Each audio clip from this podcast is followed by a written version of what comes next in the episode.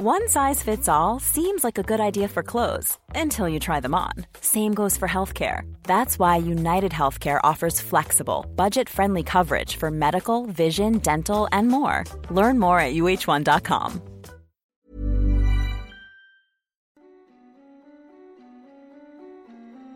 Hej och välkommen till Skräckstunden.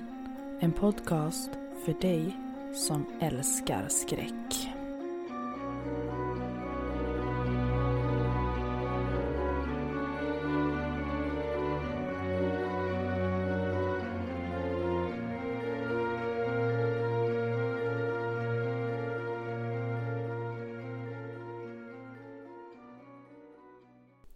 Hej och välkommen tillbaka till Skräckstundens skräckvecka.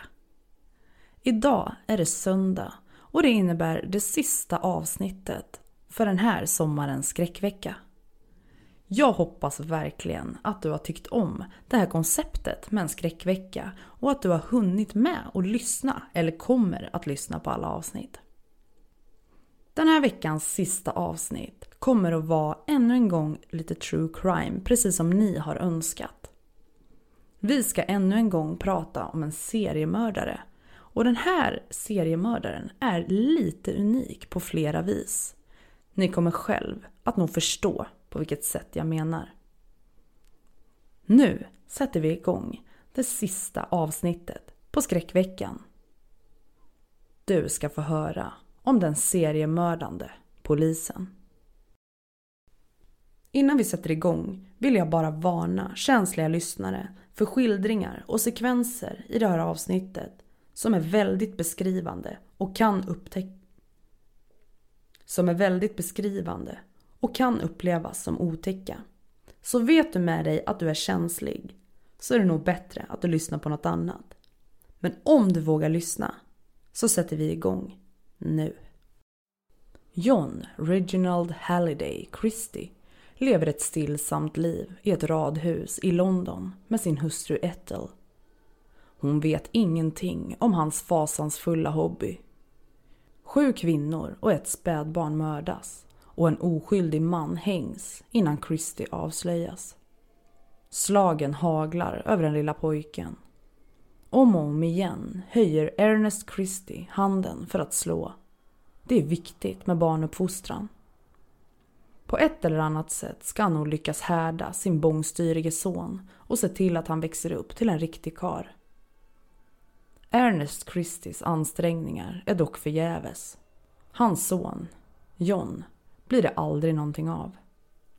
Ju mer pojkens far hotar och slår, desto mer daltar hans mamma med honom.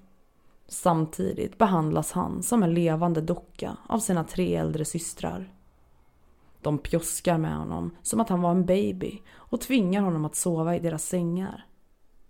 Reg, som pojken kallas, vill inte vara med i deras lekar. Han protesterar vilt, men systrarna är ju fler och föräldrarna ingriper aldrig. Reg hatar sina systrar. När Reg är åtta år dör hans morfar, en man som pojken alltid fruktat. Reg känner en egendomlig glädje när han ser den döde som han nu inte längre behöver vara rädd för. Efter detta får döden en framträdande plats i Regs lekar. Som 15-åring utsätts Reg för ett dråpslag. En av hans kamrater har utan hans vetskap avtalat en dubbeldejt med två flickor, en till dem var, och Reg kan plötsligt inte komma undan. När båda paren går var för sig längs den närbelägna kärleksstigen, känd som Monkey Run, flickan som Reg har parats ihop med är ovanligt erfaren för sin ålder. Hon går rakt på sak och drar in Reg i ett buskage, knäpper upp byxorna på honom och sticker in handen. Många pojkar hade blivit saliga, men inte Reg. Istället för att känna upphetsning blir han bara stel av skräck. Flickan, som inte är van vid sån otacksamhet, blir djupt kränkt. Hon är rasande när hon går därifrån. Det här ska Reg få för och hon berättar vad som har hänt för alla hon känner. Regs förödmjukelse ska komma att få katastrofala följder. Genom flickans skvaller föds en av de värsta seriemördarna i Storbritannien.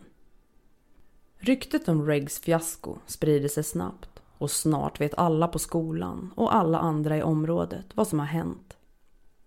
Reg har upphört att existera. Nu finns bara Reggie Nodick. Småpojkarna ropar det hemska öknamnet efter honom på skolgården och på gatan. Men det värsta av allt är flickorna. Reg kan inte visa sig förrän de börjar tissla och tassla och fnissar högt.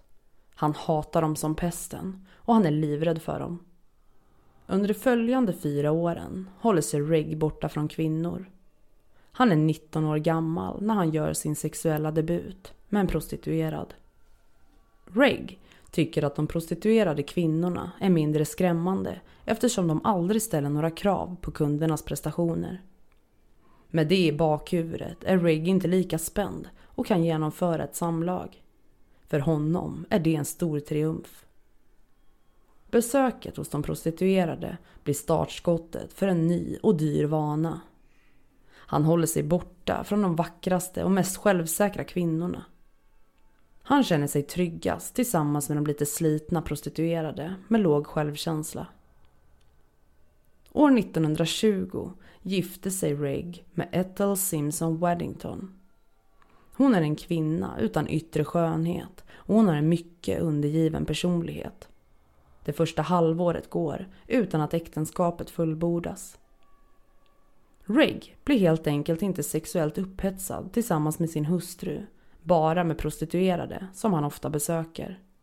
Ethel finner sig i situationen och ställer inga krav. För henne är det tillräckligt att hennes man håller av henne och det gör han, tror hon. Reg har ett vanligt lågavlönat kontoristjobb men hans uppgifter är betydligt högre än inkomsterna. Han skaffar sig därför ett nytt arbete inom postväsendet. Lönen är förvisso inte mycket bättre men här får han chansen att stjäla paket från postorderfirmorna med varor som han sen säljer vidare. Stölderna pågår en tid men extra knäcket håller inte i längden. Reg avslöjas och bara tre månader efter att han har gift sig med Ethel tvingas han avtjäna tre månader i fängelse. Och det är bara den första av en mängd domar. År 1924 lämnar Reg sin hustru och deras gemensamma hem i småstaden. Han vill till London för att prova lyckan. Vad han egentligen gjorde där är idag osäkert. Säkert är dock att han år 1929 döms till sex månaders hårt straffarbete för överfall på en prostituerad. Kvinnan har gett honom tak över huvudet och försörjt honom under en tid, men nu har hon slängt ut honom. Reg svarar med att slå henne över skallen med ett slagträ och kvinnan får ett 15 cm långt sår i huvudet, men överlever. Medan Christie sitter av ett straff för bilstöld år 1933 skriver han till Ethel och ber henne att ta honom tillbaka. Ethel har inte sett sin man på nio år men säger genast ja och undertecknar därmed ovetande sin egen dödsdom. Paret bosätter sig i stadsdelen Notting Hill i London och år 1938 flyttar de in på nedre botten på Rillington Place nummer 10. Scenen är nu Regs och fasorna kan börja. Allra först händer dock något oväntat i Regs liv. Så snart andra världskriget bryter ut söker den brittiska polisen frivilliga reservkonstaplar till den så kallade War Reserve Police. Jobbet kräver ett rent straffregister och därför kan Reg givetvis inte komma i fråga. Att han dessutom är hypokondrisk och sjuklig av sig gör honom ännu mindre till en lämplig kandidat. Men trots det så söker han platsen. Några veckor senare får Reg ett brev. Han är välkommen att börja som konstapel på station Nothing Hill. Reg är jublande glad. Förklaringen är lika enkel som befängd. Behovet av poliser är akut och man har därför valt att inte slösa tid på att kontrollera kandidaternas förflutna. Denna nonchalans ska få ödesdigra konsekvenser. Polisrollen ger den blivande mördaren en trovärdighet som får hans offer att lita på honom. Rake är polis i fyra år och han är en mycket duglig konstapel. Han utvecklar en otrolig noggrannhet i sitt arbete och får ta emot inte mindre än två utmärkelser. För Rake är det en win-win situation. Uniformen skyddar honom från att bli inkallad och arbetet förbättrar hans ekonomi oerhört. Tidigare har han fått betala dyrt för att få njuta av de prostituerades tjänster men nu kan han få allting gratis. Flickorna vet att han kan arrestera dem på momangen och orsaka svåra problem för dem om de inte uppfyller alla hans önskningar. Så de gör det. Det känner ingenting till att anmäla honom. För när ord står mot ord är det förstås alltid polisen som blir trodd och inte den prostituerade. Åren inom polisen är de lyckligaste i Riggs liv. Den förskrämde och otillräcklige lille mannen har plötsligt fått vad han älskar mer än någonting annat. Makt. Ruth First är en vacker 21-årig flicka från Österrike. Hon kom till England före kriget för att studera och har valt att stanna kvar. Hon deltar aktivt i sitt nya lands krigsinsats och sliter i en ammunitionsfabrik från morgon till kväll. Lönen är låg och eftersom hon är helt ensam i världen är det svårt att få ekonomin att gå ihop. Därför tjänar hon ibland lite extra på att prostituera sig efter arbetstid. Under sommaren år 1943 får Ruth en kund från helvetet. John Reg Christie. Han kommer med förslaget att hon ska följa med honom hem till Rillington Place nummer 10. Hon går med på det. Hustrun Ethel besöker sin bror i Sheffield och det är fritt fram för Reg. Han betraktar den unga kvinnan när hon klär av sig. Hon är ett ovanligt val, just för att hon är så vacker. Hon är exakt den typen av kvinna som alltid har fått Reg att känna sig underlägsen och otillräcklig. Men idag är det annorlunda. Och idag kommer han att hämnas. I fickan har han ett rep. Ruth är totalt oförberedd när Reg plötsligt kastar sig över henne, drar repet runt hennes hals och drar åt samtidigt som han våldtar henne. Hon kämpar för sitt liv men till slut lyckas han strypa henne. I sina privata anteckningar skriver Reg om mordet. Jag kände en underlig, fridfull glädje. I Regs undermedvetna är det inte en okänd österrikisk flicka han har dödat. Hon är en ställföreträdare för hans livsmardröm. Flickan från Monkey Run. Han begraver liket ute på bakgården. Några månader efter sitt första mord säger Rigg upp sig från polisen. Han skyller då på sina hälsoproblem. Det är station Nothing Hill där han själv arbetar som utreder Root Firsts försvinnande och det sliter på Regs nerver att varje dag gå sida vid sida med de personer som ska klara upp mordet. Reg får jobb på en radiofabrik. Han möter då Muriel Fady och bestämmer sig för att döda henne. Muriel har en fästman och är inte intresserad av Reg men hon lider av en obehaglig halskatarr som ger henne andningsproblem. Reg lyckas locka hem henne till sig genom att påstå att han har en inhalationsapparat som kan hjälpa henne.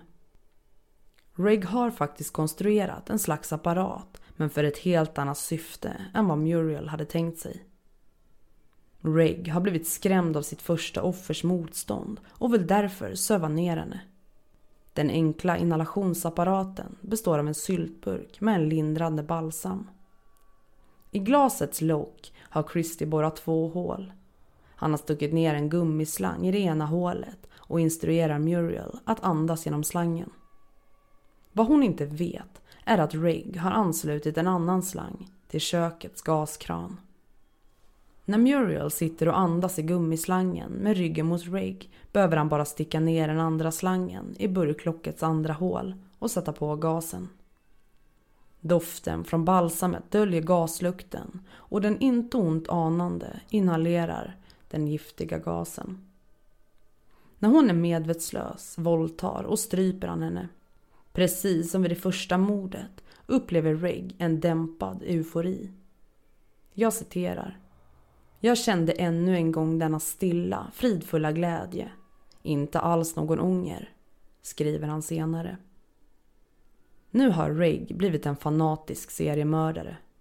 Det är helt uppenbart, även för honom själv, att han inte kan sluta. Han vill mörda, om och om igen. Och ännu en gång begraver han sitt offer ute på bakgården. Det är riskabelt. Det finns inte något som kan koppla ihop Reg med Root. Men med Muriel har han ju en välkänd arbetsrelation. Hennes fästman vet dessutom att hon skulle besöka Reg och när hon inte kommer hem den kvällen beger han sig till Rillington Place nummer 10 för att fråga efter henne. Reg säger då att Muriel aldrig dök upp som de hade avtalat och att han hade undrat över det. Det är Riggs gamla kollegor som utreder även detta mystiska försvinnande och det faller dem aldrig in att misstänka Rigg. År 1948 blir lägenheten på tredje våningen på Rillington Place ledig och ett ungt par flyttar in. Det är Timothy Evans och hans blott 19-åriga hustru Beryl som strax efter att de flyttat in föder dottern Geraldine. Paret känner sig genast hemma i huset och det medelålders paret på bottenvåningen, herr och fru Christie, är fantastiskt rara och hjälpsamma. De unga föräldrarna behöver mycket hjälp. De är nämligen själva som barn. Timothy är inte direkt utvecklingsstörd, men långsamt och svagt begåvad. En undersökning har visat att han som vuxen man hade samma intellektuella nivå som en pojke på 11 till 12 år. Han kan varken läsa eller hantera siffror som över hundra. Beryl är också svagt begåvad, omogen och oerhört naiv. Hon har vuxit upp utan någon mamma som har kunnat lära henne allt det som en husmor förväntas kunna och snart är allt en enda stor röra i lägenheten.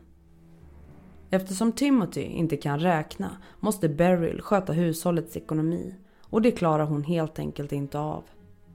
Hon handlar på kredit utan att berätta något för Timothy och drar på sig en skuld på 20 pund. Det motsvarar ungefär tre veckolöner för Timothy som är arbetare på en livsmedelsfabrik.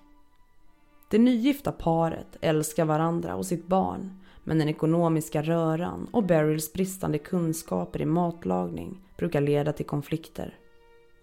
Grannarna hör dem ropa och skrika på varandra och grannen mitt emot ser till och med att de slåss. Herr och fru Christie hjälper dem så gott de kan men herr Christie har en dold agenda. Beryl är mycket vacker och han tar till alla möjliga ursäkter för att få vara i närheten av henne. Vanligtvis skulle Beryls skönhet skrämma Rigg men den uppvägs av den unga kvinnans naivitet. Hon verkar mer hjälplös än farlig. Trots det är hon ouppnåelig för den knappt 50-årige Rigg. Geraldine är bara tio månader gammal när Beryl till sin förtvivlan upptäcker att hon är gravid igen. Det är en katastrof. Beryl har svårt nog att klara av en baby och den unga kvinnan köper ett illegalt abortmedel, men det funkar inte. If you thought the only way to get a more defined jawline with natural-looking results was through surgery, think again. Juvederm Volux XC is a non-surgical injectable gel filler that improves moderate to severe loss of jawline definition and can help you achieve natural-looking results with little downtime. Even better, this improved definition lasts up to one year with optimal treatment. No maintenance required. Improve jawline definition for a smooth, sculpted look with Juvederm Volux XC. For important safety information and to find a licensed specialist, visit juvederm.com. That's J U V E D E R M.com. Not for people with severe allergic reactions, allergies to lidocaine, or the proteins used in Juvederm. Common side effects include injection site redness, swelling, pain, tenderness, firmness, lumps, bumps, bruising, discoloration, or itching. There's a risk of unintentional injection into a blood vessel, which can cause vision abnormalities, blindness, stroke, temporary scabs, or scarring. Talk to a licensed specialist to find out if it's right for you. Ever catch yourself eating the same flavorless dinner three days in a row? Dreaming of something better? Well, HelloFresh is your guilt-free dream come true, baby. It's me, Kiki Palmer. Let's wake up those taste buds with hot, juicy pecan-crusted chicken or garlic butter shrimp scampi. Mm. Hello Fresh. Stop dreaming of all the delicious possibilities and dig in at HelloFresh.com. Let's get this dinner party started.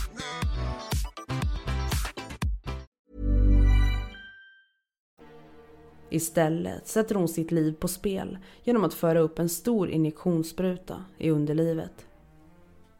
Inte heller det fungerar och till slut anförtror sig Beryl i sin desperation till Ethel Christie som i sin tur berättar för sin man. Nästa dag, medan Timothy är på jobbet, söker Rigg upp Beryl och ljuger ihop en historia om att han någon gång på 30-talet läste till läkare men tvingades ge upp studierna på grund av kriget.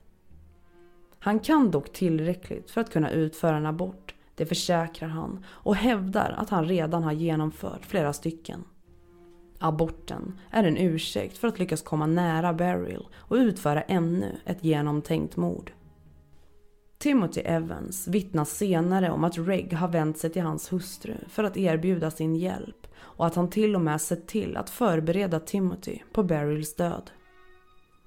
Rigg ska ha förklarat att aborter så här sent i graviditeten kan ha dödlig utgång i omkring 10% av fallen. Men i de allra flesta fall är det inga problem alls, säger han lugnande. Timothy vill ändå inte att hans fru ska utsättas för minsta risk. Han meddelar kort att de inte är intresserade och går sen upp till Beryl för att förbjuda henne att göra verklighet av idén. Det slutar med ett våldsamt gräl och Beryl säger åt sin man att inte lägga sig i. Hon litar på Reg och vill bli av med fostret och Timothy får till slut ge med sig. Han kan inte få henne att ändra sig. Aborten ska utföras medan Timothy är på arbetet. Reg försöker förmodligen få Beryl att andas in gas men skador i ansiktet på henne talar för att inte allt har gått enligt planerna. Antagligen ångrar sig Beryl och börjar göra motstånd. Reg börjar då slå henne i ansiktet för att få henne att ligga stilla innan han stryper henne. Och efteråt har Reg sex med liket. Lilla Geraldine sover middag i rummet intill medan mordet äger rum. Rigg sköter om barnet hela dagen så att hon inte ska påkalla uppmärksamhet genom att ligga och skrika. Och när Timothy kommer hem från arbetet står en allvarsam Rigg och väntar på honom i porten. Jag har dåliga nyheter. Aborten misslyckades. Din hustru är död, säger han. Timothys hjärna kan inte bearbeta informationen. Allt känns helt overkligt och de båda männen följs åt upp på tredje våningen och där ligger Beryl mycket riktigt död. Rigg har rullat in henne i en grön duk. Timothys första impuls är att de måste hämta polisen men Rigg avråder honom påtagligt bestört. Nej, är du galen? Vi kommer att hamna i fängelse båda två. Jag har utfört en illegal abort och du visste om det. Det gör dig till medbrottsling. Polisen ser mycket allvarligt på sånt. I sin enfald så tror Timothy på den före detta polismannen. Reg lyckas övertala honom om att det är bäst att han lämnar London för en tid tills saker och ting har lugnat ner sig. Under tiden ska han se till att få bort Beryls kropp. Lilla Geraldine har han också tänkt på. Han känner ett ungt par som gärna tar hand om henne medan Timothy är borta. Men det finns ju förstås inget ungt par. Reg har bestämt sig för att döda barnet. Han ser ingen annan lösning. Omständigheterna spelar Rig rakt i händerna. Av en slump har Timothy just blivit uppsagd och det finns ingenting som håller honom kvar i London. Han uppmuntrar honom att resa till den by i Wales där han växte upp för att få tid att samla sig och att han kan bo hos sin moster och morbror. Timothy berättar för dem att han har varit på affärsresa med sin chef men att bilen har gått sönder och att han nu väntar på att den ska lagas. Under sin vistelse hos släktingarna talar han förtjust om sin dotter Geraldine. Du skulle se henne, hon är en hjärtekrossare, berättar den unge fadern stolt för sin moster. Timothy reser även till London för att söka upp Reg och fråga om Geraldine. Reg försäkrar honom om att dottern har det bra och att Timothy ska få träffa henne om två, tre veckor. Allt eftersom dagarna går börjar morbrodern och mostern undra varför Timothy blir kvar så länge. Och till slut skriver de till hans mamma. Hon svarar direkt att hon varken har sett Timothy, Beryl eller Geraldine på flera veckor och har nu börjat oroa sig. När Timothys lögner avslöjas fattar han ett spontant och ett ödesdigert beslut. Han går in på den lokala polisstationen och berättar att han har slängt sin hustrus lik i en avloppsbrunn sedan hon har dött i sviterna efter en illegal abort. Timothy vill inte dra in Reg. Det skulle ju vara otacksamt mot en man som bara försökt hjälpa dem. Därför säger han att aborten gjordes på ett ställe utanför staden, men han vet inte var. En poliskonstapel skriver ner Timothys förklaring och läser upp den för honom, varpå Timothy skriver under. Polisen ringer sen till kollegorna i London och ber dem undersöka den kloak som Timothy har beskrivit. De hittar den precis utanför Rillington Place, nummer 10. Men brunnslocket är så tungt att det krävs tre man för att lyfta det. Och dessutom är kloaken tom. Timothy kan omöjligt ha slängt ner liket där. Timothy förhörs på nytt. Vi vet att du ljuger. Var är din fru och vad har du gjort med henne? Timothy kan inte svara. Riggs sa ju att han skulle gömma liket i avloppet. Om kroppen inte är där, då vet han inte vart den är. Under tiden knackar Londonpolisen på hos sin före detta kollega. Rigg ger dem värdefull information. Den 11 januari år 1950 inleds rättegången mot Timothy Evans. I rätten kämpar försvarsadvokaten Malcolm Morris envetet för att rädda Timothy och han försöker visa att den verkliga mördaren är åklagarsidans huvudvittne i fallet, John Reginald Halliday Christie. Det är en kamp i motvind för Timothy som har begått många misstag. Han har underlåtit att informera polisen om sin hustrus död. Han har gett sig av till Wales, han har ljugit för polisen och han har undertecknat ett erkännande. Det tar bara 35 minuter för juryn att komma fram till ett beslut och domaren Lewis meddelar sin dom. Jag citerar. Timothy Evans. Juryn har funnit dig skyldig till överlagt mord och rättens dom är att du härifrån ska föras till ett fängelse och sedan till en avrättningsplats där du ska dö genom hängning.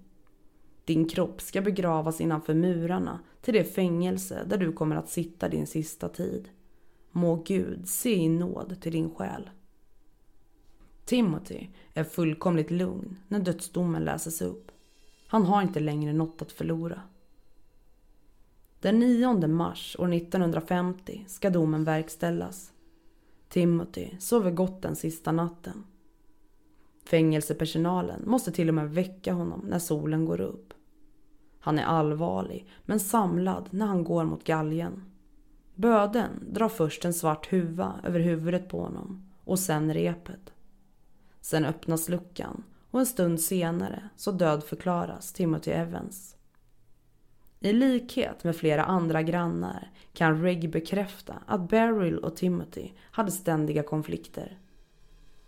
Han berättar att Timothy är en mycket våldsam man som oavbrutet har slagit sin fru. Vid flera tillfällen sökte Beryl sin flykt hos honom och hans hustru, ljuger han, och påstår att Beryl har sagt att Timothy kommer att slå ihjäl henne en vacker dag.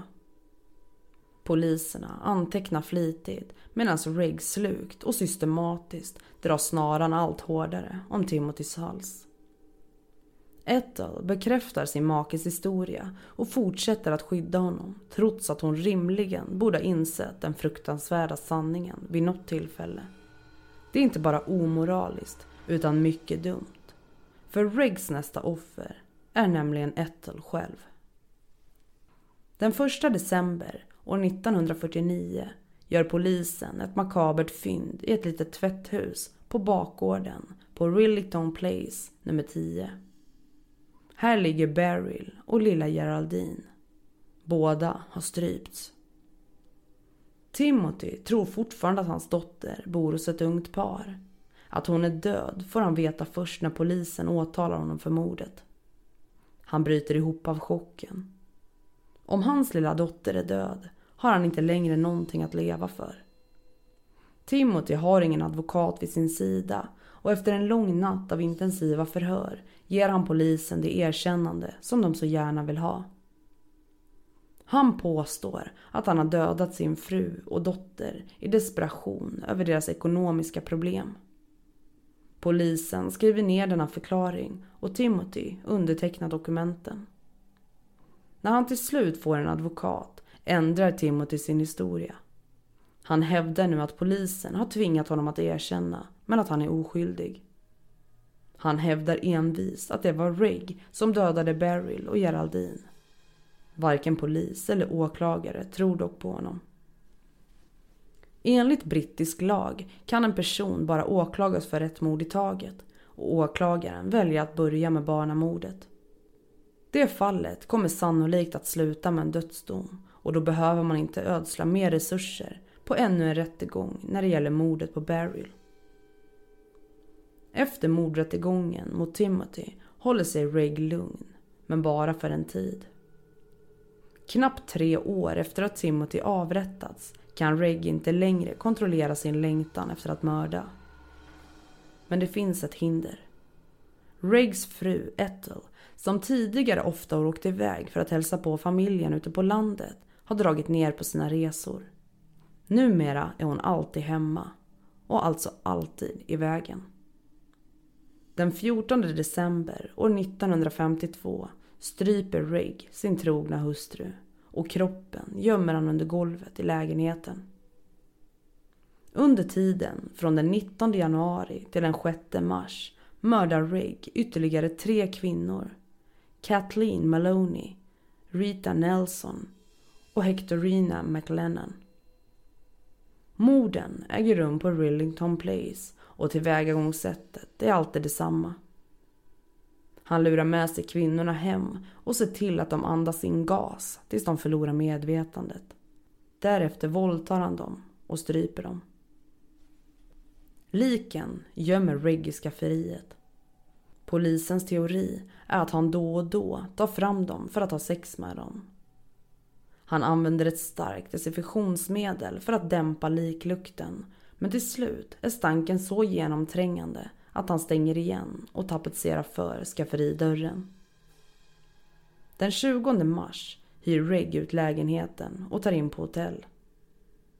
När nyheten om likfynden på Rillington Place når tidningarna fyra dagar senare lämnar Reg hotellet och driver runt på gatorna i London.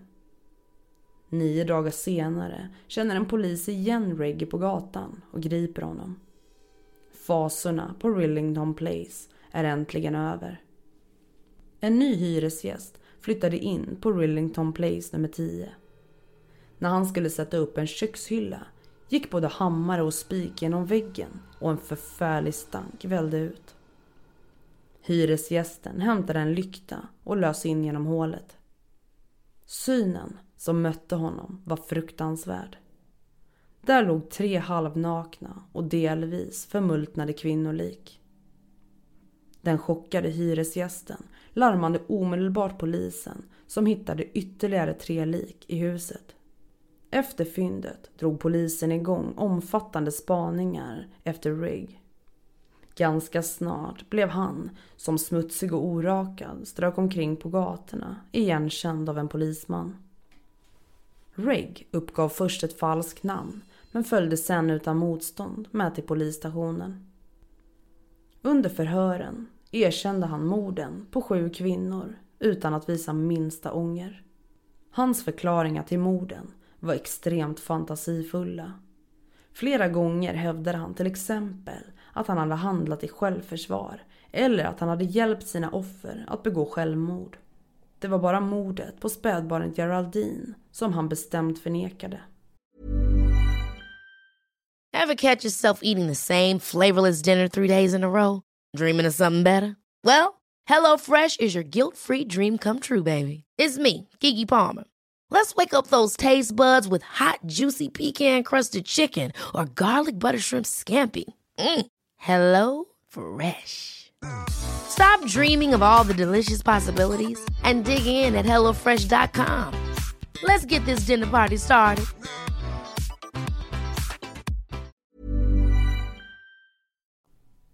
När polisen frågade hur han hade kunnat hyra ut en lägenhet full med lik. Han måste ju ha vetat att brottet snart skulle avslöjas, svarade Reg. Jag skänkte det aldrig ens en tanke. Enligt brittisk lag, som jag tidigare nämnde, kan en person bara åklagas för ett mord i taget. Den allmänna åklagaren började med mordet på Regs hustru Ethel vars lik påträffades under golvplankorna.